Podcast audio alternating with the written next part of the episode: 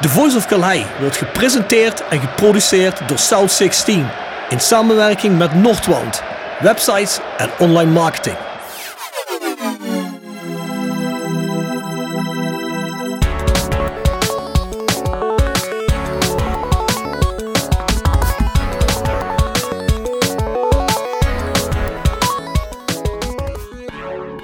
Daar zijn we weer met de Voice Kort.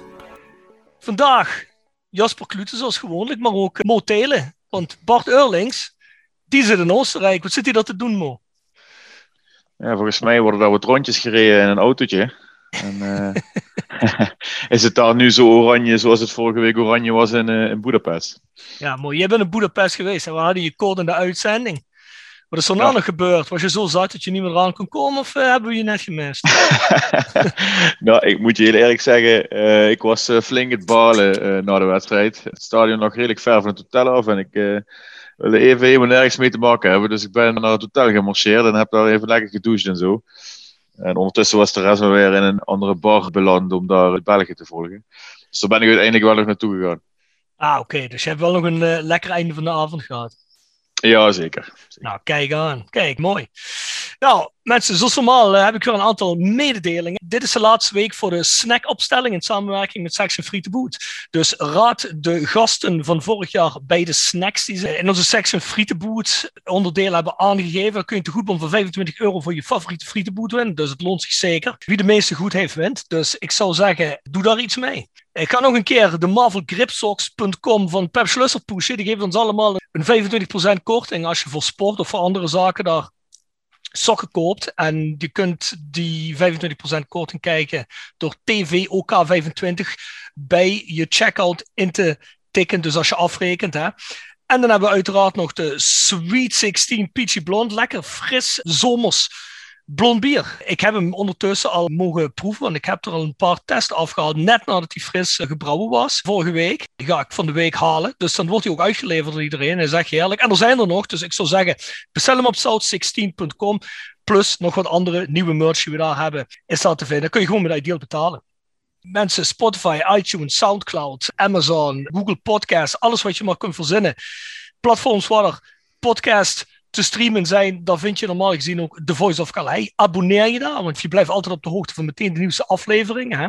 Deze Voice of Calais komt wat onregelmatiger uit en dat doen we natuurlijk in verband met Europees kampioenschap. We proberen wel een beetje achter uh, een, een kwartfinale of halve finale te zitten. Dus we houden niet het ritme aan van elke woensdag met deze. Dat zullen we wel wel doen met The Voice of Calais als die weer opgenomen wordt en online komt. En nou, dat zal, zoals ik al een paar keer gezegd heb, over een week of twee zijn, wanneer er ook weer meer te vertellen valt, als langzamerhand we inderdaad naar het begin van de competitie gaan. En daar ook weer een hele reeks van gasten. En dan gaan wij met deze en nog met andere inhoud gaan we naar petje.af slash The Voice of Calhei. Daar kun je abonneren voor een klein bedrag of maandelijks, eh, voor, zodat je alles binnenkrijgt. Of je mag ook een gift geven. Daar krijg je wel niks voor terug, maar je kunt je ook eh, op per aflevering bijvoorbeeld abonneren. Volgens mij is dat een euro per aflevering en dan kun je de aflevering ook downloaden. Niet voor misverstanden, hè mensen, maar al deze zaken kosten geld. We willen ook uiteindelijk dingen blijven doen. We hebben over benzinegeld, allerlei andere zaken. En er gaat ontzettend veel tijd in zitten. Dus we moeten iets van geld genereren zodat we dit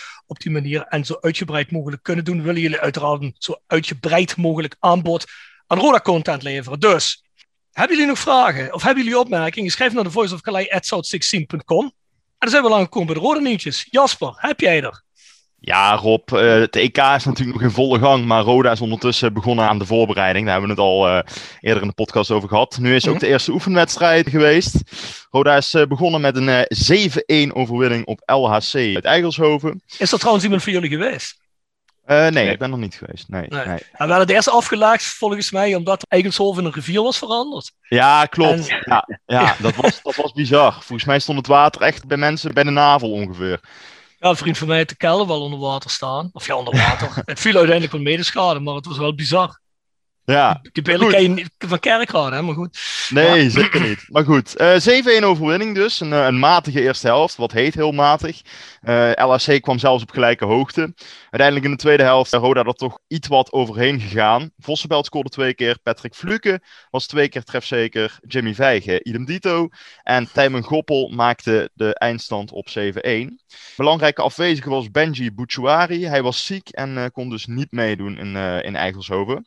De testspelers Takidine en Anna Pak speelden mee. Anna Pak raakte helaas geblesseerd na 20 minuten. En Jamil Takidine speelde één helft mee. Daarnaast test Roda komende periode de Duitse verdediger Florian Meijer. Een 1,91 meter lange centrale verdediger opgeleid door München-Gladbach. En speelde de laatste wedstrijden voor het tweede elftal. En die komen uit in de, in de Regionalliga. Wat is er eigenlijk gebeurd met die testspeler van Unterhachingen die erbij zat? Ik bedoel, de Scheuter, de spits.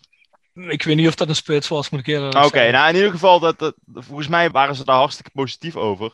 Alleen zijn ze daar nu het kijken of die aangetrokken kan worden. Ah, oké. En Ja. is er nog feedback over die Anna Pak en die andere jongen die Ja, getest? ja, in principe zijn ze daar ook gewoon positief over. Anna Pak weet ik sowieso al. Eh Takidine, daar is nog niet heel helemaal duidelijk over. Maar Anna Pak lijken ze, mits daar niet al te veel eh, problemen met die blessure zijn, toch wel verder mee te willen. Oké, oké. Ja, En wat die jongens die komen voor wat voor linie? Ja, Anna Pak is een middenvelder. Ja. Oké. Dus ja, we gaan het zien. Verder is er het eerste bommetje in de selectie, uh, Tijmen Goppel. Die snapt namelijk niks van de handelswijze van Rode JC. De buitenspeler vindt dat de afkoopsom van haar vanuit 3 ton veel te gortig is.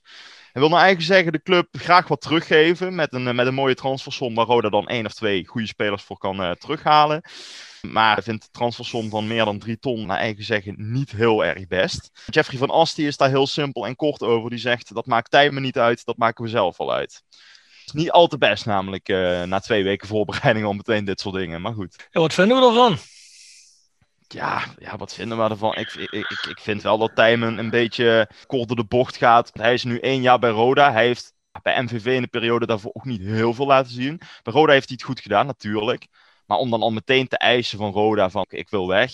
Aan de ene kant kan ik het begrijpen omdat Roda in de ambitie is teruggegaan. Dus misschien ziet Tijmen dat als een red flag en wilt hij weg. Maar ik vind ook wel dat je een heel klein beetje dankbaar mag zijn voor wat Roda je heeft gegeven het afgelopen seizoen. Maar goed. Ja, ik snap Goppel wel. hè. Inderdaad, die ambitie die er niet is bij Roda. Maar ik denk ook dat zo'n gastje vanuit MVV komt en een heel karig salarisje heeft. Voor ons gewoon een hele bruikbare speler is. En eigenlijk symptomatisch voor wat we zien. Het gebrek aan ambitie en gebrek aan budget. We kunnen zelfs een Goppel die je dan toch eh, iets langer aan, je zou moeten willen binden. Die kun je niet binden. En die ziet gewoon geen perspectief. Eh, dus ik snap Ja, maar- wel dat die... eh, Ja, maar is 3 ton echt zo'n zo'n hele grote vraagprijs voor hem? Ik, ik weet niet of dat. Eh, Oh nee, zeker niet. Nee, maar ik denk, Nee. denk niet dat. Ik, daar heeft hij op zich in die zin natuurlijk helemaal niks over te vertellen. Maar ik snap wel zijn idee dat hij weg wil. Nee, uiteindelijk wel. Om, het moment dat, dat, dat Roda niks kan bieden. Ja, kijk, Ja, nee. ik zit hier in Duitsland en die dritte Bundesliga. Er zitten wel een paar clubs met geld hoor. Er zitten clubs die hebben veel meer geld als hier de eerste divisie heeft. Dus die drie ton is helemaal niet zo gek. Het zijn natuurlijk wel prijzen die normaal in, in een eredivisie worden gevraagd voor spelers hier. Maar dat Weje Wiesbaden heeft een tijdje ook geacteerd op. Volgens mij zijn die vorig seizoen of het seizoen ervoor pas gedegradeerd uit de tweede Bundesliga. Die hebben daar een tijdje wel, ja. gespeeld. Zoals gezegd is het niet een club zonder ambitie. Die hebben het ook niet slecht gedaan. En er zitten geen massa's aan geld, maar er zit genoeg geld om dat te kunnen betalen. Mm. Maar ja, goed, die mensen kijken natuurlijk naar Roda. Die zijn natuurlijk ook niet helemaal gek. En die proberen natuurlijk voor 125.000 euro die jongen op te vissen. Omdat ze zoiets hebben van, ja, Roda heeft niet veel te willen, want die kunnen toch niks. Daar klemt het natuurlijk. En ik denk dat we uiteindelijk wel ergens in de midden zullen uitkomen. Want ik vermoed wel dat hij wel zal gaan. Maar als iemand zo graag weg wil, ja, dan moet je je afvragen. Vooral met zo iemand die toch redelijk wisselvallig is geweest afgelopen seizoen. Als er dan al zo'n stukje demotivatie bij zit, of die jongen er niet meteen terugvalt in prestatie, dan heb je niks meer aan hem. En zo had je misschien nog twee ton voor hem kunnen vangen, want dan zal het wel ongeveer ergens op gaan uitkomen straks natuurlijk. Maar ik weet het niet, misschien houdt Jeffrey wel gewoon voet bij stuk en zegt hij, eh, ik heb eh, sowieso dadelijk al veel mindere spelers. Ik laat je niet gaan. En we hebben gezien dat het een wapen is. Is het maar eh, dat hij wat mensen aan zich bindt en meetrekt als hij niet goed speelt. Wat wel ook opvallend is, is dat Mitchell Keulen weer mee, eh, meedoet bij Roda. Dus, ja, dat was eh, mijn vraag geweest. Heb ik Ja, gisteren dat wil ik ook zeggen. Ja. Ja. Ja, Hoe komt ja dat? die, heeft, die heeft wel meegedaan in de wedstrijd tegen Walram. Dat was een wedstrijd waar voornamelijk tweede elftal opgesteld stond. Werd eh, 2-0 uiteindelijk. Ehm, ja, nou, wat ik gehoord heb, is dat ze toch weer aan het kijken zijn of die nu met het mindere budget wat Roda heeft, toch een welkome aanwinst nog kan zijn voor het komend seizoen. Vind ik op zich een goede zaak, want ik vind Keulen een redelijke speler met een goede trap in het linkerbeen. Kan een voorzet geven. Ja, ik zou zeggen, waarom, als je weet, je kent de kwaliteiten van die jongen, als je weet wat je daaraan hebt, waarom zou je het dan niet gewoon proberen? Daar zit wat in. Alleen ja, het is natuurlijk wel allemaal weer in sync met de ontbrekende ambitie bij Roda. Het was de bedoeling dat we een stap omhoog gingen maken. En dat we net met alle respect voor Michel Keulen en Pep Schlusser. Die jongens hier niet voor niks wilden ze laten gaan. Ze mm. wilden een stap omhoog. Ze wilden dat allemaal een level omhoog hebben. Als je nu weer terug moet vallen op die jongens, betekent dat eigenlijk eigenlijk omgedraaid weer. Dat je die ambitie niet kan waarmaken en dat je wel op dat niveau blijft hangen. Dus ja, dat is allemaal een beetje jammer. Nee, van Roda was het dat. Nou, ik wilde nog één ding zeggen. Daar wil ik ook niet te ver over uitweiden. Want dat uh, hebben we heel uh, uitgebreid gedaan in de reguliere eerste speciale aflevering van de Voice of Calais die uh, vorige week uitgekomen is. Er zijn nog altijd geen verdere ontwikkelingen. Het blijft nog altijd angstvallig stil binnen alles wat van Roda afkomt na die brandbrief van de supporters. Ik krijg ook vragen, ook per e-mail. Hoe zit dat dan al met dat spelersfonds? horen jullie daar ook niks van? Nee, daar horen we op het moment ook niks van. En ik noem dat omdat we het net over spelers en ambitie hebben. En het enige geld wat er kan dan klaar schijnt te liggen, eigenlijk voor het oprapen. Nu is het spelersfonds, want het is geen leugen dat daar mensen al geld aan gecommitteerd hebben. Dat is geen miljoen euro in totaal, maar dat is genoeg geld dat je tenminste vooruit kunt met zo'n jongens zoals een Goppel, een Fluke, en dat je die jongens kunt verlengen en wellicht je beter kunt positioneren op de spelersmarkt. Dus ja, daar staan we nog altijd. En bij Roda gaat het zo ontzettend langzaam. Besluitvorming en alles en nog wat. En je weet niet wat de achterliggende gedachten zijn, want niemand communiceert met de fans. Dus ja, blijf een beetje koffiedik kijken wat het komend seizoen aangaat. Jasper, dan zou ik zeggen, laten we naar KKD-nieuws gaan. Zijn er nog interessante nieuwtjes? Ja, weer uh, ADO Den Haag. Hè? ADO, daar blijft het uh, rommelig uh, hoe het nu verder gaat met, met de eigenaars, de overnamestrijd. Martin Jol heeft zich wederom gemeld in deze overnamestrijd. Samen die 12 met, miljoen liggen dan? Nee, nee, nee. Hij gaat zich nu oh. samenpakken met de ondernemers Jeroen Lensen en Ed Maas. Ze hopen de heer in een driemanschap de club over te kunnen nemen alsnog. De groep lijkt bij ADO op dit moment ja, echt de beste papieren te hebben. Er was ook nog één andere partij, maar die uh, zouden een stap opzij zetten als er een betere partij komt. Dus het lijkt nu toch echt Martin Jol samen met die twee andere mannen te gaan worden. Het zal snel moeten gebeuren, want uh, ADO heeft een uh, erg krappe selectie en zag met uh, El Kayati, Pinas, Kramer, Mokhtar, al hele belangrijke spelers vertrekken en heeft daar nog weinig voor teruggehaald. Dus bij ADO zal ook snel wat moeten gebeuren, willen ze komend seizoen überhaupt een rol van betekenis gaan spelen. Ja, ik zag dat bij Emma ook heel veel man weg waren. Ja, bij Emma is uiteindelijk nu ook een beetje de leegloop in gang gezet. Wel hebben ze een aantal leuke spelers daarvoor teruggehaald. En, volgens mij zijn ze ook nog uh, bezig met uh, spits Reza Goganiat. En dat zou een hele goede zijn voor Emmen, want dat is uh, in de Eredivisie al een redelijke spits. Laat staan de KKD. Verder de Graafschap en Almere City, die blijven zich maar versterken. Graafschap haalt Giovanni Korte van Cambuur. En Almere haalt spits Jonas Alweiler. Die kennen we van Jong FC Utrecht, heeft hij het goed gedaan. En op het middenveld versterkte zij zich met Lens Duivenstein, een van de revelaties van Helmond Sport afgelopen seizoen. Rob Penders wordt daarnaast de nieuwe hoofdtrainer bij, uh, bij FC Eindhoven. Ja, toch wel een NAC-legende die, het, uh, die daar volgens mij een lengte van jaren de centrale verdediger is geweest. Die gaat dus nu Ernie Brands opvolgen daar bij FC Eindhoven. En een uh, nieuws met een Roda-tintje. Robert Molenaar is terug aan de trainersfront. Nu niet oh, bij een, uh... Roda-tintje, oh, oh. ja, het is wel een Roda-tintje. We kunnen er niet omheen natuurlijk. Robert Molenaar wordt nieuwe trainer van NAC onder 21. Heeft dus oh, shit, ik dacht dat je ging zeggen van NAC zelf. Nee nee nee, nee, nee, nee, nee, nee, nee, Zo, zo zag het er wel uit toen het op internet stond. Ja, dat dacht ik ook inderdaad. Ik denk, hier moet ik even naar gaan kijken. Maar het was dus uh, de Toen is NAC wel helemaal de weg kwijt dan. Het zal natuurlijk helemaal goed zijn. nou, het leuke is, de assistent van, uh, van Molenaar bij Roda, Hans Visser, die is daar nu op dit moment ook nog assistenttrainer. Bij gewoon de hoofdmacht. Bij NAC, ja, bij de hoofdmacht, ja. Samen met Edwin de Graaf op dit moment. Die is de interim trainer. Weet je wat ik wel niet begrepen heb bij de Den Haag? Die John van Zweden die heeft altijd zo'n grote mond over alles Den Haag. En, uh, ja, de behangkoning. Ja, en ja. Uh, die zat bij Swansea en alles. En zijn dat niet zo'n mensen die eigenlijk die je verwacht die in Den Haag stappen nu? John van Zweden is bij Swansea een paar jaar geleden weggegaan.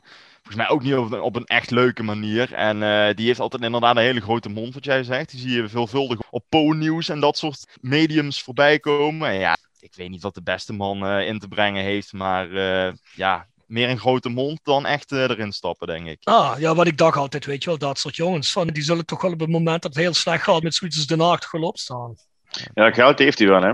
Ja, dat uh, is toen ja, met, met, twee cent in Swansea uh, gestapt en is dan vervolgens uitgekocht voor zijn aandelen. Ja. Dus uh, als hij het een beetje goed gedaan heeft, dan... Is uitgekocht toen ze nog in de Premier League zat, of niet? Precies, ja. Dan heeft hij wel centen dan.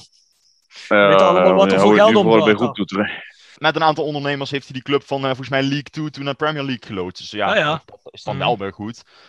Maar ja, ik weet, ik weet niet of dat voor Den Haag nu de, de beste optie is. Ik vind op zich dat van Martin Jol met die, met die twee andere ondernemers wel een, goed, eh, een goede constructie. Maar ja, nogmaals, wat ik zeg, dan moet er wel eh, nu wat gebeuren aan de spelersgroep. Want eh, die is op dit moment vrij uitgekleed. Nou, laten we hopen voor Rode van niet.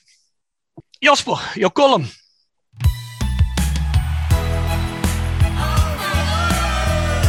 Maar ook verdedigen. Oh, we komen tot de achtste finale. Het is absoluut het maximale, dit is ons niveau. Ja.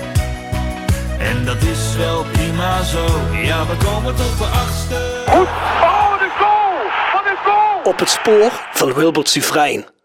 Je kent het vast wel, een sollicitatieprocedure bij een nieuwe werkgever. Een procedurele zaak die een bedrijf elke keer opstelt op het moment dat er nieuwe werknemers moeten worden aangetrokken. Je dient keurig via website of via mail je cv plus referenties in, die vervolgens door het bedrijf in beraad worden genomen. Meestal kiest een bedrijf vervolgens voor de kandidaat die qua ervaring of persoonlijke kwaliteiten het best aansluit bij het werk dat ingevuld dient te worden. Een bedrijf kan het zichzelf natuurlijk tien keer makkelijker maken door voorafgaand een zogenoemde profielschets te maken.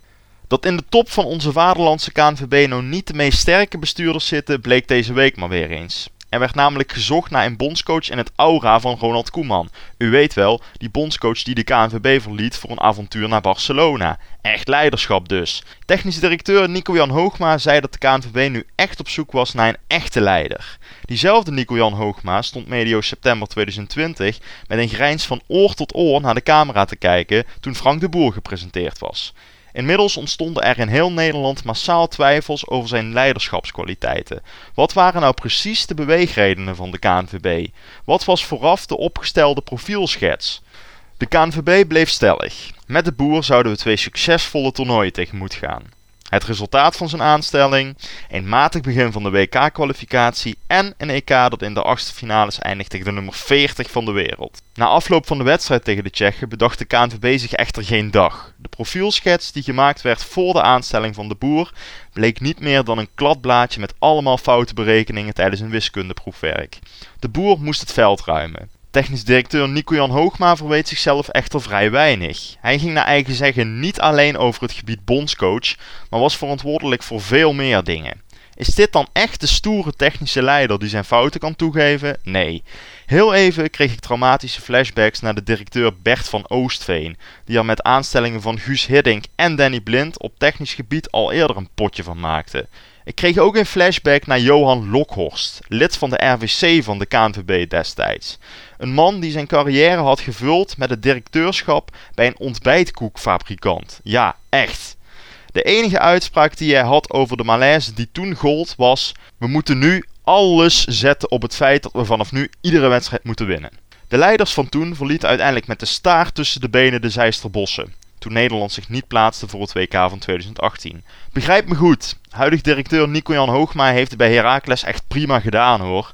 Hij heeft de club van een middenmotor in de eerste divisie omgeturnd tot een vaste middenmotor in de eredivisie. Maar hoe hij nu te werk gaat bij de KNVB is natuurlijk alles behalve goed. Hij zegt op zoek te zijn naar een leider als bondscoach, terwijl hij zelf als technisch directeur alles behalve leiderschap vertolkt. Het brengt mij terug naar de profielschets. Want hoe kun je als bedrijf nou een goede profielschets maken als je zelf niet eens weet wat leiderschap tonen is? We zoeken geen populaire bondscoach. We zoeken geen advocaat, Henk ten Katen, Guus Hiddink of Giovanni van Bronckhorst. We zoeken een bondscoach met een duidelijk systeem. Een bondscoach die met de tijd meegaat. En een bondscoach die de generatie lastige jonge voetballers onder zijn hoede kan nemen. U begrijpt dat mijn voorkeur uit zal gaan naar Erik ten Hag. Het schoolvoorbeeld van een trainer die leiderschap heeft getoond in de tijd dat Ajax even het spoorbijster was. Hij voldoet aan alle eisen om de geslagen bokser die het Nederlands elftal heet weer op te lappen. Al ben ik bang dat met de huidige profielschets van de KNVB die optie vrijwel kansloos lijkt. Voordat we gaan naar onze drie momenten die ons het meeste opvielen de afgelopen speeldagen op het EK. Is voetbal coming home? Wat denken jullie? Ja, ik, ik, denk het niet, maar het zou wel heel leuk zijn. Ik kom dadelijk bij mijn puntjes wel terug op voetbalfans en voetballanden. Maar uh, ja, ik gun het die Engelsen dan toch wel weer. Het blijft natuurlijk toch een super gaaf voetballand met een geweldige voetbalcultuur. En als je ziet wat er allemaal gebeurt rondom uh, na die wedstrijd tegen Duitsland, alleen daar al om uh, zou ik het cool vinden. Uh, wedstrijd gisteren ook, ja, eigenlijk gewoon easy hè. Ze de Oekraïne even aan de kant zetten. Met Harry fucking Kane, die het dan toch weer twee keer weer doet. Ik vind het wel een gaaf, gaaf team. En nog een mooi land. Dus mijn plek om te strijden. Ja, helemaal mee eens. Als je dat ziet, mensen die zijn echt de hele week ermee bezig. Zij het niet uh, twee maanden van tevoren dat het EK begon. Daar was al zo de, de koorts in dat land van uh, ja, it's coming home en dat soort dingen. En ja, je ziet ook nu gisteren tegen Oekraïne, ja, waren ze een maatje te groot. Maar ja, ik hoop het eigenlijk ook wel hoor. Want uh, hè, Wembley, je hoopt toch dat ze niet weer zo'n trauma krijgen zoals 96. Ja, kijk, weet je, het, zou natuurlijk super vet zijn, wat Moel zegt. Uh, dus uh, ja. Ah ja, ik, ik zou het ook mooi vinden als ze het halen. Daar gaat het om. Ik heb genoeg Engelse vrienden die dan ook heel gelukkig zijn. Alleen, ja, Engeland is ook altijd zo'n tragisch land, hè, waar ook altijd tragisch dramatisch eindigt. Hè. Ja, ik, bedoel, ja, ja, ja, Jasper, ik weet niet of jij inmiddels al uh, gekeken hebt naar One Night in Turin, wat ik je nu al vijf keer heb aangeraden om te gaan kijken.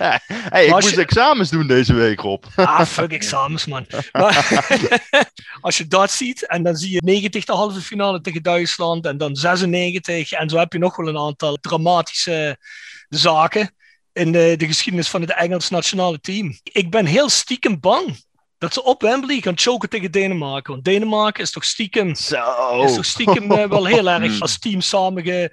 Ik vind ze echt vergelijkbaar met het Denemarken van 92. 92, ja. Ja, 92, want toen gaf ook niemand ze een kans. Er is trouwens een leuke film op Netflix, die heet ja, Zomer 92. Dat is wel een gespeelde film, hè, maar die gaat over het Deens elftal. Ja. En het was eigenlijk een beetje hetzelfde laken en pak. Hè. Een coach die sterk bekritiseerde zijn eigen land, want dat deze gasten nu ook weer. En uh, eigenlijk een team zonder echte megaster. En als er dan één ster is, ja, hun hadden toen Brian Laudroep, die eigenlijk als megaster erbij zat. Ja, dat was nu Christian Eriksen. Ja, voor de rest hebben ze eigenlijk geen echte sterren, maar het werkt wel echt zo'n team en het schijnt te werken. Dus het was niet helemaal gemakkelijk tegen Tsjechië, een stug team. Maar ik kan me goed voorstellen dat die Engelsen in hun euforie, dat die zich misschien verslikken, dat team. En dat zou wel heel bizar worden. Maar dan gun ik het ook de Denen wel echt dat ze winnen. Alhoewel ik het de Italianen ook wel erg gun. Maar laten we naar de drie opvallende momenten gaan. Nou, uh, Mo, ik geef jou de eerste. Ja, en dan begin ik toch, eh, waar we net, uh, wat net al kort over hadden. Ik zie gewoon 70-jarige mannen oberkörpervrij uh, over de tribune heen rollen met elkaar. Als ze van Duitsland winnen. Ik heb een 60-jarige vriend van Watford. Die zegt, ik zit gewoon met tranen in mijn ogen naar de tv te kijken. Ik was vijf de laatste keer dat we op een groot toernooi van Duitsland wonnen in 1966. Wat het doet met dat land, dat is toch gewoon fantastisch. De studio van de BBC, waar Shearer en iedereen die er was, zat rond te springen als idioten uh, in, in de box op, op Wembley. Ja, die Engelse fans, alleen daar kijk ik van het voetballen uh, fantastisch om, om dat te zien. Dus dat was voor mij het moment van deze week waarbij de commentator ook zei kijk waar je bent, met wie je bent. Dit ga je nooit meer vergeten. Je bent onderdeel van, of je hebt historie meegemaakt. Ja, dat is hoe het daar leeft en dat, dat is fantastisch. Was mooi, was mooi om te zien. Jasper, jouw punt. Dat wilde ik eigenlijk ook zeggen. Maar mhm. ik zou dan nog een, een, klein tintje aan willen toevoegen. Ik volg op YouTube een kanaal, Tokden. En dat is een zoon. En samen met zijn vader, die alles volgen van het voetbal in heel de wereld eigenlijk. En die, die maken daar vlogs van. Dat ze naar het stadion gaan, dat ze een Guinness drinken zijn in de kroeg. Dat ze vervolgens zich samenpakken met een mannetje of 7, 8. En dat ze daar naar het stadion gaan en daar in een groep van 20 man verzeild raken. En allemaal de uitslag proberen te voorspellen. En allemaal met zoveel angst dat het toch weer mis zal gaan. Ook tegen Duitsland. Nee, het wordt, het wordt 1-1 en dan op penalties verliezen we. En dat soort dingen. Ik het trauma gewoon in de ogen van die mensen. En dat je dan ook die, die vreugdeuitbarsting bij die goal van Sterling ziet, die 1-0. Ja, als je daar geen kippenvel van krijgt, ja, dan vind je voetbal ook echt gewoon niks. Echt. Dat was zo mooi om te zien. Nogmaals, wat ik zeg, Nederland ligt eruit. is echt jammer. Maar dan mag Engeland het voor mij echt winnen hoor. Want die gasten hebben er zo lang. En dat liedje Football Coming Home refereren ze daaraan. Hè? De 30 Years of Hurt werd 50 Years of Hurt. Ja, weet je, ik hoop gewoon dat ze een keer redden. Dat zou ik echt prachtig vinden. Ja, het is wel bizar dat de Engelse pers en iedereen in Engeland probeert af te doen alsof de 55 years of hurt nu voorbij zijn omdat ze voor Duitsland gewonnen hebben. Daar gaat het liedje niet over. Hè? Lees die tekst, het, gaat, het gaat over een prijs winnen. ja. maar uh, ja, we zullen het zien. Ik denk dat we het ze allemaal wel gunnen. Ik had eigenlijk als eerste punt België als land. Ja. Ik heb het al een keer hier in de podcast gezegd, maar dit België laat me heel erg denken aan de generatie Bergkamp, Stam, Davids en dergelijke. Ook een generatie waarvan iedereen zei, we hadden wereldkampioen moeten worden Frankrijk. We hadden in eigen land Europees kampioen moeten worden. Het was eigenlijk, we hadden eigenlijk een periode kunnen hebben zoals Spanje en, en Frankrijk die hebben gehad de afgelopen tien jaar. Met prijs aan prijs te rijgen, want het was wel het elftal ervoor. Ja, en dat lukte maar niet. Hè. Ook gestrand in halve finale stelkens. Ja, en ik vind België een beetje vergelijkbaar. Ze schijnen toch te choken altijd op het moment dat het, dat het telt. Ze zeggen wel op tv, weet je wel, het einde van de gouden generatie al denk ik wel. Ik bedoel, het WK is alweer over anderhalf jaar. Er zullen ook wel een paar jongens meedoen. Maar die verdediging, eh, die is volgens mij samen 300 jaar oud. dus uh, die zullen wel niet meer er zijn. Maar ik vond het weer bizar dat België met zo'n team ook al jarenlang nummer 1 op de world ranking staan. Ze, ik denk al een jaar of twee, drie. Dat die maar geen prijs weten te pakken. Dat vond ik bizar dat is het zeker. Als je kijkt die, die gasten die ze hebben, dan moeten ze gewoon echt de laatste vier minimaal mee halen. En uh, nu, oké, okay, speelt tegen Italië, dus dat kan dan ook nog wel gezegd worden. Maar, ja, maar ja. ze hebben het eigenlijk ook gewoon in die wedstrijd geen moment verdiend om door te komen. Dus daar moet je ook wel heel eerlijk in zijn kunnen blij zijn dat ze, dat ze die strafschop krijgen vlak voor rust. Dat ze nog enigszins in de wedstrijd blijven. Er komen er nog ook momenten in de tweede helft natuurlijk. Waarbij het achterwerk van bepaalde mensen nog nodig is om die bal uit het doel te houden. Ja, op zich die 2-0 was niks op af te dingen in de eerste helft. was ook eigenlijk geen voet aan de grond. Hè. Nee. nee. Nou, Mo, heb je een tweede punt? Ja, daar waar ik net over de Engelse fans had, eh, moet ik toch tot mijn grote schaamte de Nederlandse fans ook benoemen. Ik sta dan vorige week op het vliegveld waar er mensen met uh, oranje klompen, fluoriserende oranje pakjes bij mannen die volwassen zijn overgewicht hebben, net zoals ik, bospeen op het hoofd. Um, nou, dat, is, dat is allemaal nog tot aan toe dat we een, een clownsleger hebben die je net zo goed in de bus kunt zetten om naar een toch te brengen of nu naar Formule 1, naast de echte uh, liefhebbers. Maar wat me nog veel meer irriteert, is dat daags na het verlies die oranje dingen worden ingeruild voor het zwart, geel en rood van onze Belgische vrienden. Ja. Alleen daarom ben ik al heel erg blij dat ze zijn uitgeschakeld. Uh, niet eens voor het Belgisch team, maar met name voor die maloten in Nederland. Die denken dan maar meteen een nieuwe favoriet te moeten uh, benoemen.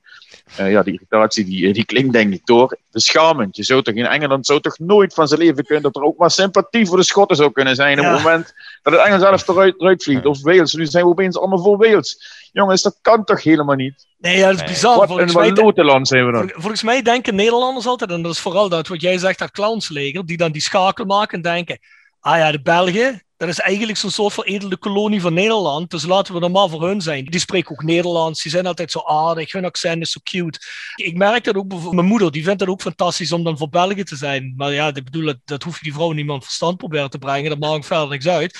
Maar het is wel bizar dat dat altijd zo gaat, ja. En dat is wat Mo zegt. Hier in Duitsland zal je ook niemand zien die voor Zwitserland is of voor Oostenrijk. Hoor, fuck dat. En in Engeland hoeven er al helemaal niet mee aan te komen. Of moet je eens bedenken dat iemand in Rusland opeens voor de Oekraïne is omdat ze uitgeschakeld zijn. Dat denk ik toch zelf niet. Hè?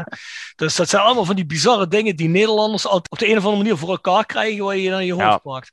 Dat is natuurlijk ook ontstaan omdat die natuurlijk jarenlang toernooien gemist hebben. Dat ze het wel leuk vonden dat ze er toen bij waren in Brazilië in 2014. En toen is het begonnen. Maar ik vond dat niet leuk.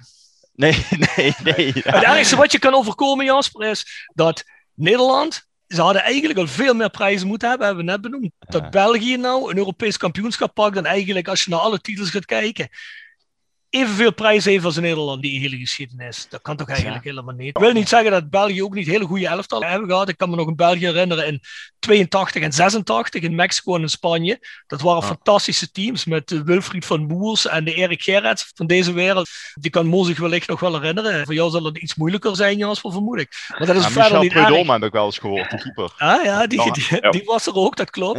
en uh, Jean-Marie Pfaff niet te vergeten. Ah, klopt. Iedereen kent die filmpjes wel de interviews met hem bij Bayern München na de wedstrijd. Bayern München. Ja.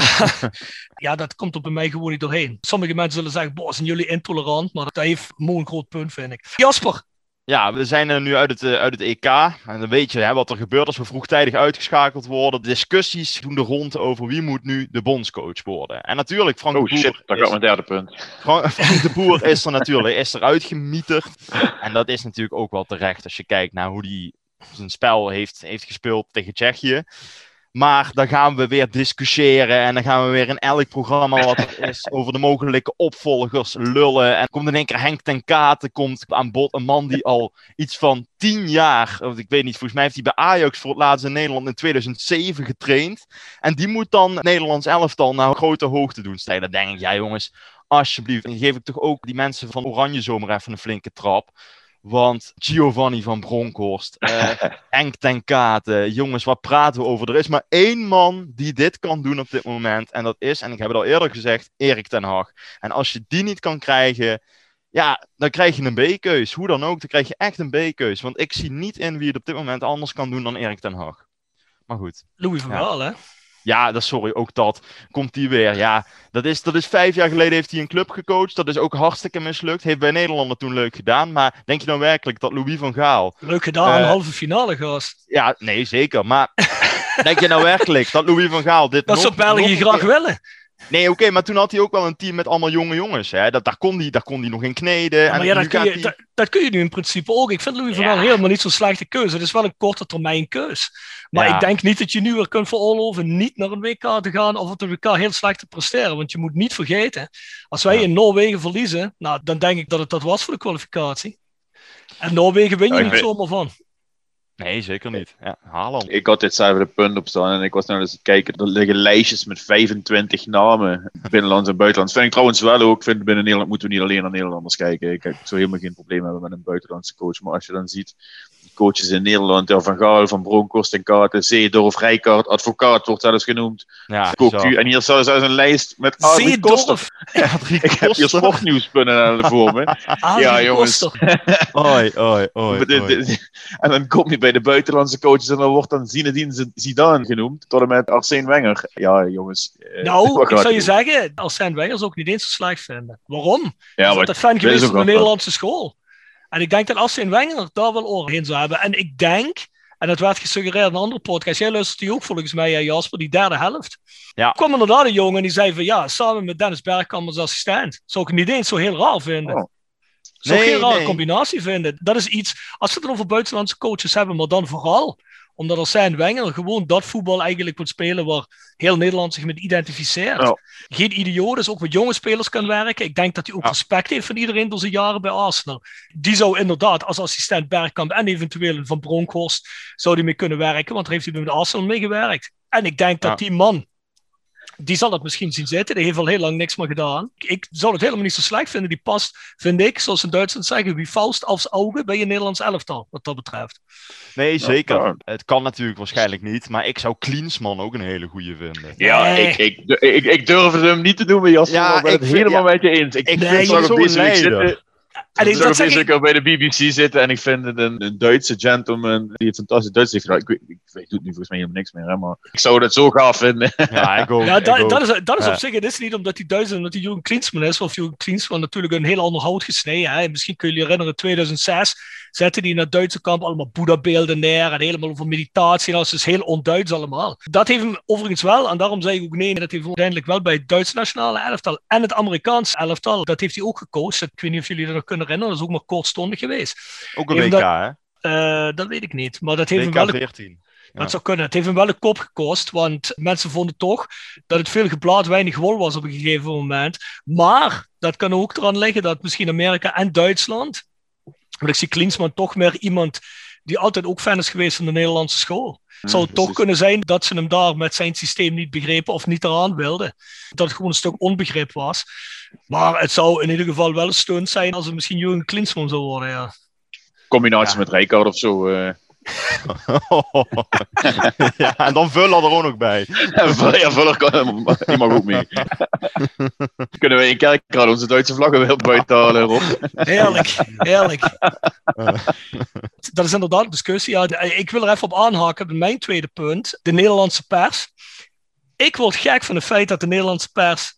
Ik heb gisteren weer Oranje Zomer zitten kijken. Ik heb gisteren weer zitten kijken naar Studio Europa, of hoe heet dat, bij de NOS. Ja, Studio Europa. ja. En dat er nog altijd mensen zijn die gewoon knalhard zeggen: ja, maar dat Denemarken, dat stelt toch eigenlijk niks voor. Dat Engeland, ja, ze zijn goed, maar ze zijn toch niet zo goed. Moet je kijken wat wij hebben lopen. Nederlanders zijn compleet delusional als het op het Nederlands elftal aankomt. Zelfs van die gasten die altijd het meest kritisch zijn, de grootste mond hebben in oranje zomer, zoals een Derkse. Zelfs zo'n gast die zit gewoon keihard te zeggen dat dat Denemarken niet beter is dan Nederland. En wat veel mensen volgens mij niet begrijpen, is als je zo jongens als Memphis zit te bekritiseren, volledig terecht, want die jongen heeft ook niet thuisgegeven. Waaraan dat ligt is een tweede, dat boeit ook verder niet. Maar de jongen heeft zich ook een beetje gedragen van ja, ik ben de ster hier van het elftal. De Denemarken is gewoon echt een elftal. En Ja. dan hebben ze wel kritiek op Memphis, maar ze zien dan wel niet dat die jongen dan wel er ook debat mee dan is. Dat er nooit echt uit teamgevoel gevoetbald wordt. Memphis zit Mhm. voor zichzelf te voetballen en niet voor het team. Nou, dat zou je bij Denemarken niemand op betrappen. Ja, En daarom is dat gewoon een ding. beter. Het is niet een optelsom van de potentie van alle individuen die, eh, die maakt hoe goed een team is. Het is veel meer dan dat. Het gaat erom hoe mensen zich in zo'n team opstellen en als een team functioneren. En dat kunnen we links of rechts om lullen. Dan doet Denemarken gewoon tien keer beter, maar misschien met minder individuele kwaliteit. Maar als je dan gisteren ook ziet hoe ze wel in staat zijn om eh, fatsoenlijk aanvallend voetbal op de mat te leggen. Geval goede aanvallen over de vleugels vaak tegen Tsjechië. Dat hebben wij geen enkele keer gezien. Dan heb je het over creativiteit, et cetera. Maar vooral ook vanuit de basis als team voetballen. Ze hebben natuurlijk op cruciale posities ook perfecte spelers staan. Hè? Schmeichel in de goal. eh Christensen en Kjaar als verdedigers die het echt supergoed doen. Die malen op de links, linksbuiten backpositie. Het is ook echt een fantastische speler. En Casper Dolberg, ja, eh, als die al zelfs gaat lachen, nou, dan weet je hoe goed dat team in elkaar zit hoor. Want die, hij toonde zelfs emotie gisteren. Ik denk, wat is dit? ja, Lekker voorzetje was dat gisteren, hè? Waar die, eh, Oh, goeie ja. genade, man. Oh, Ah, de studie zat erin. Mega goal was dat. Nederland zou hiervan verliezen, 100%. Nee, daar hadden we ook van verloren. Maar daarom begrijp ik dus die Nederlandse pers niet. Bij de schrijvende pers, de traditionele pers, zitten wel veel mensen die realistischer zijn. Hmm. Maar op tv heb ik dingen gehoord waarvan ik denk van, ja, jongens, begrijpen jullie het nou nog altijd niet? Het was in 92 al zo. Ik had het hier even specifiek over Denemarken. Maar ook andere teams, eh, ook gewoon voor Tsjechië keert zeggen, ja, het stelt toch niks voor. Nee, het is ook kwalitatief, is het op elke positie minder. Maar die jongens, die krijgen het schijnbaar wel met z'n allen samen gedaan. Dit is uiteindelijk een Ja. teamsport. Ja, mooi. Jij zei net al, jouw derde punt is eigenlijk ook al genoemd door Jasper. Dus ja, Jasper, heb jij nog een derde punt? Of was dat net je derde punt trouwens? Ben ik het even kwijt. dat was, was mijn tweede punt. Ik heb nog wel een klein derde puntje. Mhm. En dat is, eh, dat vond ik wel mooi gisteren. Na de 4-0 nederlaag van, eh, van Oekraïne tegen Engeland. Zag je een, eh, een mooie shot van de Oekraïnse spelers die vol trots hun fans bedankten. En dat dansje wat door IJsland geïntroduceerd is in 2016. dat Met die handen op elkaar, dat hoe de hele tijd. Dat werd toen weer gedaan. En je zag ook Shevchenko meedoen eh, als bondscoach. Die toch het Oekraïnse voetbal, hoe het wend of keert, weer een beetje heeft opgevijzeld sinds hij erbij is. Ja, ik vond dat toch wel mooi, want eh, ze hebben ons toch verrast. We hadden niet verwacht dat Oekraïne zo ver zou komen. En oké, ze zijn natuurlijk kansloos geweest tegen Engeland. Maar dat vind ik dan ook weer mooi aan de underdog. En die dan gewoon kunnen terug gaan kijken op een mooi toernooi. Want dat hebben ze toch gehad. Ik vind dat IJslands ritueeltje wat al die ploegen doen, vind ik. Vind ik Ja, dat is wel irritant. Maar het is wel mooi dat de Oekraïners die fans zo bedankt. Je kan ook zeggen van ja, pleur lekker op. We gaan lekker... eh, Nee, ja, dat zeg eh, ik ook niet, maar Oekraïne. dat iedereen dat ding doet, man, kom op, hé, dat is van een land, dat is iets wat eigen is aan dat land, en dan ga je Ja, dat, eh, ga je dat dan doen. We gaan toch ook niet Amerikaans volkslied zingen met onze fans als we klaar zijn? Nou, het zou wel beter zijn als Wilhelmus, maar, maar goed. Oeh, dat Of de anders. ja, de klompendans wellicht, ja. Eh, Oh man, oh man, oh man, oh man. Nou, ik had één laatste punt. Ik vond dat op dit EK er toch wel veel wedstrijden waren waar gewoon het gevoel had dat iedereen van iedereen kon winnen. Zelfs in de groepfase er was eigenlijk geen land geweest, ja, behalve dan Macedonië misschien. Maar voor de rest zijn er eigenlijk geen landen. sorry? Finland ook wel. Poh, die waren zwak. Ja, goed, maar winnen wel de eerste wedstrijd gewoon tegen Denemarken. Wellicht onder rare omstandigheden, maar ze Ja, winnen hem wel. Ja, ja en Macedonië was veruit de zwakste broeder natuurlijk op het geheel. Maar Ja, ja, Turkije ook, hè? ja, maar daar heb je dat niet van verwacht. Nee, daar hadden we het niet van verwacht, maar uiteindelijk is dat Nee. denk ik nog wel zwakker geweest dan Macedonië. Ja, zeker, maar ik wil er alleen maar mee zeggen. Iedereen kan van iedereen zo'n beetje winnen. En ik denk Mhm. ook niet dat iemand verwacht had dat de Turken er zo hard onderuit zouden gaan. Of Nee. dat de Polen met. Lewandowski eigenlijk gewoon kansloos uitgeschakeld worden. Of had iemand verwacht dat Zweden eerst in hun pool zou worden, bijvoorbeeld. Dus ik vind dat wel, wat dat betreft, toch wel een. eh, ik vind het niet een geheel oninteressant toernooi. Ik heb het toch wel niet elke wedstrijd. Er waren natuurlijk in de groepsfase een reeks van wedstrijden bij waarvan je dacht, zeker die om drie uur 's middags van wat zit ik hier te doen. Eh, Toen ben ik er ook een tijdje mee opgehouden. Sowieso geluk dat ik tijd had, geluk tussen aanhalingstekens om iets van die dingen te kijken. Maar ik vind vanaf zeker de knock-out fase vind ik het niet zo erg. Zweden-Oekraïne was natuurlijk, was een draak van de wedstrijd, maar voor de rest. Ik vind het niet zo heel erg niveau. Nee, het gaat ook snel voorbij, vind ik. Het is ook echt, we zitten nu al in een halve finale. En normaal, ja, bij zo'n toernooi, als je vooraf ziet 24 landen uit één continent die eh, zes pools vormen, dan denk je van, dit gaat wel even een lange zit worden. Maar inderdaad, wat jij zegt, het is op een aantal wedstrijden na niet saai geweest. Natuurlijk hadden we geluk ook met zo'n pool des doods, hè, zoals Portugal, Frankrijk, Duitsland bij elkaar in de pool. Maar voor de rest vond ik ook bepaalde underdogs. eh, Zwitserland natuurlijk tegen Frankrijk, dat hebben we helemaal nog niet genoemd. Dat was echt eh, fantastisch. Die wedstrijd was echt vanaf het begin tot het einde leuk om naar te kijken. De Fransen waren goed, de Zwitsers waren goed. Vond ik echt gewoon een kwalitatief hele goede wedstrijd. En dat voor een achtste finale. Eh, Ja, alleen Zweden-Oekraïne, die, die pot, dat was echt om niet om doorheen te komen. Maar verder vond ik het echt leuk. En wat ik overigens heel bizar vind, is dat we een Europees kampioenschap zijn aan het spelen. 600 kilometer noordelijk van Teheran. Dat is ook bizar. Hè? Als je in Baku speelt, speel je eigenlijk gewoon de Orient. Als we duizend kilometer naar rechts gaan, zitten we in Indië. Dus dat is een beetje bizar natuurlijk. Weet iemand waarom al die landen niet in een Aziatische groep zitten eigenlijk? Nee, nee, Weet ik ook niet. nee, ik heb geen aardrijkskunde meer gehad op de bovenbouw. Dus dat, nee, nee, Nee, je hebt geen kunnen meer gaan de bovenbouw, oké.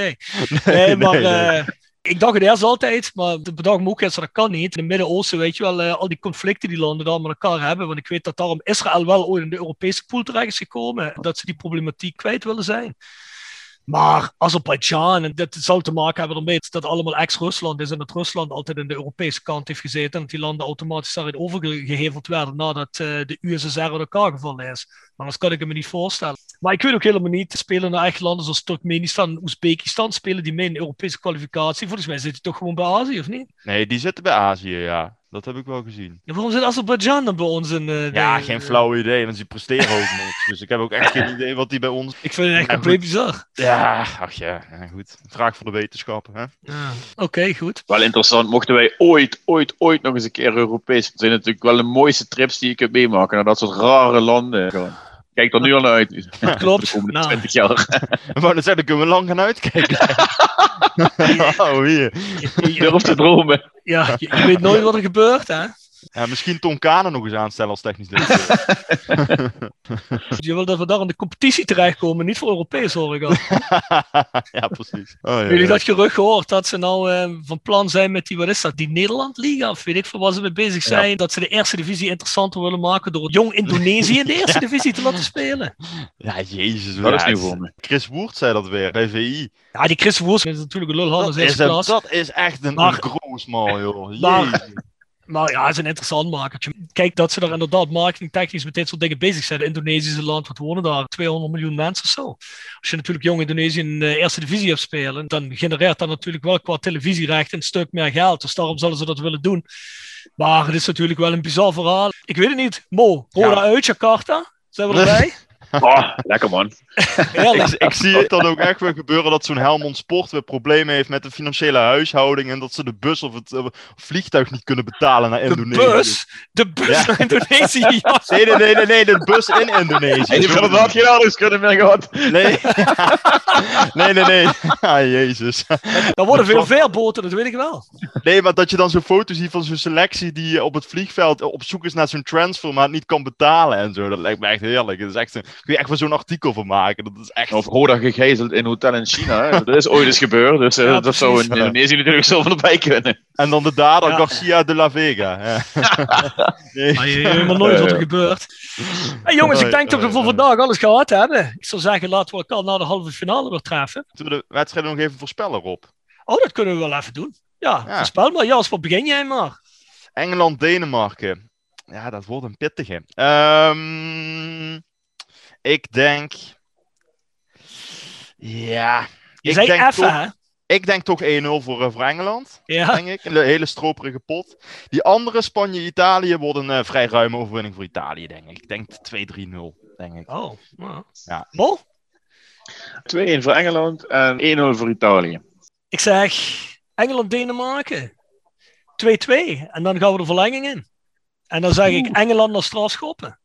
Nee, ik zeg Dan Denemarken. Ik zitten we zeg, de trauma af dan. nee, ik zeg, ik zeg Denemarken naar Straatschoppen. Ik heb, ik heb gewoon... Oh. Nee, dat is, niet- dat is niet omdat ik ze niet gun, maar ik heb gewoon niet het gevoel dat Engeland dit gaat redden. Ik heb het gevoel dat Denemarken hier heel ver in gaat komen. Ik heb buikgevoel dat Denemarken dit gewoon gaat winnen. Gewoon pure Dat is basis, of geen mis of zo, hè. gewoon pure basis van de vibe, de flow. Dan komt er weer Ehm, een documentaire van, hoor. Als, als die het redden. Daar ga ik vanuit. En Spanje-Italië, ja, dat denk ik ook Italië. Maar 2-1 zeg ik Italië. Mo, sponsoren? Yes. Jegers Jegers of Katen? kaken. Begin jij maar. Jegens advocaten voor de derde keer. Heel Neel en Beauty Salon next door. Hotelrestaurant de Veilerhof. Herberg de Bernardeshoeve. Noordwand. www.gsrmusic.com. Stok grondverzet. Rapi Autodemontage. Van Ooije Glashandel. Quick Consulting. Wiert's personeelsdiensten. Fandom Merchandising. Nederlands Mijnmuseum. Marimi Solar Heerlen. Roda Support. Wheeler Autogroep. PC Data. Metaalgieterij van Gilst. En Roda Arctic Front. Roda-fans uit het Scandinavische. Schrijf je e-mails naar de voiceofcalhei.south16.com. Ga voor je bier en je merchandise naar south16.com. En je kunt ons ondersteunen met een kleine geef of je te abonneren op de content vanaf half juli bij petje.af slash voice of Calhei. Dan zeggen we tot de volgende keer. Fijne zondag.